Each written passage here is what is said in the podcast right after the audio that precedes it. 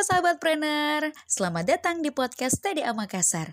Salam kolaborasi untuk negeri. Bersama saya Rifa Majid, kita hari ini akan um, belajar dan juga menilik beberapa tips-tips untuk Anda yang ingin memulai usaha tapi bingung caranya gimana sih sebenarnya?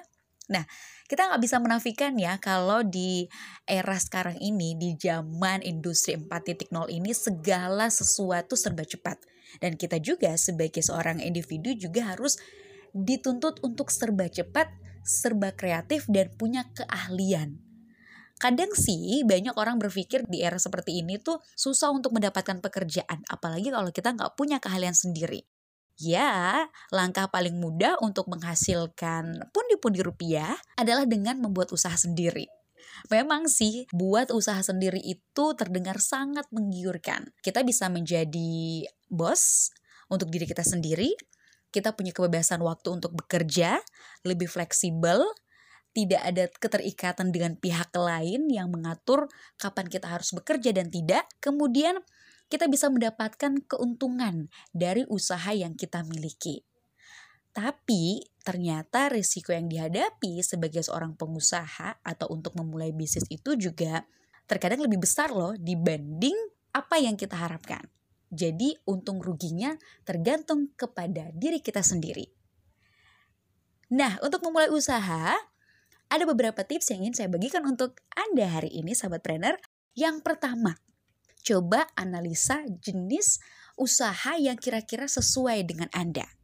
Kita harus bisa nih memastikan bahwa usaha yang kita dirikan adalah jenis usaha yang selain kita minati juga dibutuhkan oleh orang lain. Apalagi lebih bagus kalau usaha tersebut ditunjang dengan keahlian dan juga pengalaman dari diri kita sendiri. Lakukan analisa break-even point untuk menentukan potensi yang ada di dalam jenis usaha kita. Setelah itu jabarkan rencana usahanya secara detail. Yang kedua, rencanakan bisnis Anda dengan menyusun konsep yang sesuai. Kalau misalnya Anda ingin mencari pendanaan dari luar, bisnis plan proposal adalah salah satu kebutuhan.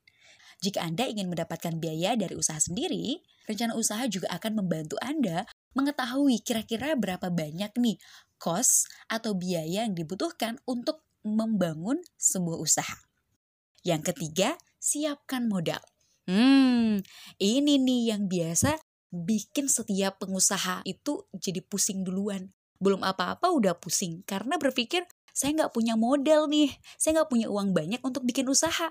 Jangan salah sahabat trainer, ide yang kita miliki itu adalah modal terpenting. Tanpa kita sadari, selama ini ide yang kita miliki dari dalam diri kita, dari otak kita, semangat kita itu adalah modal utama untuk membangun sebuah bisnis.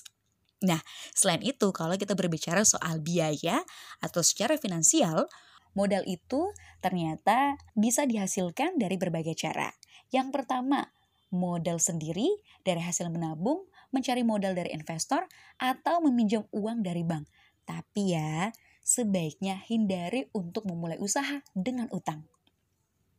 Selanjutnya, jadikan usaha Anda sebagai usaha yang legal dan diakui hukum.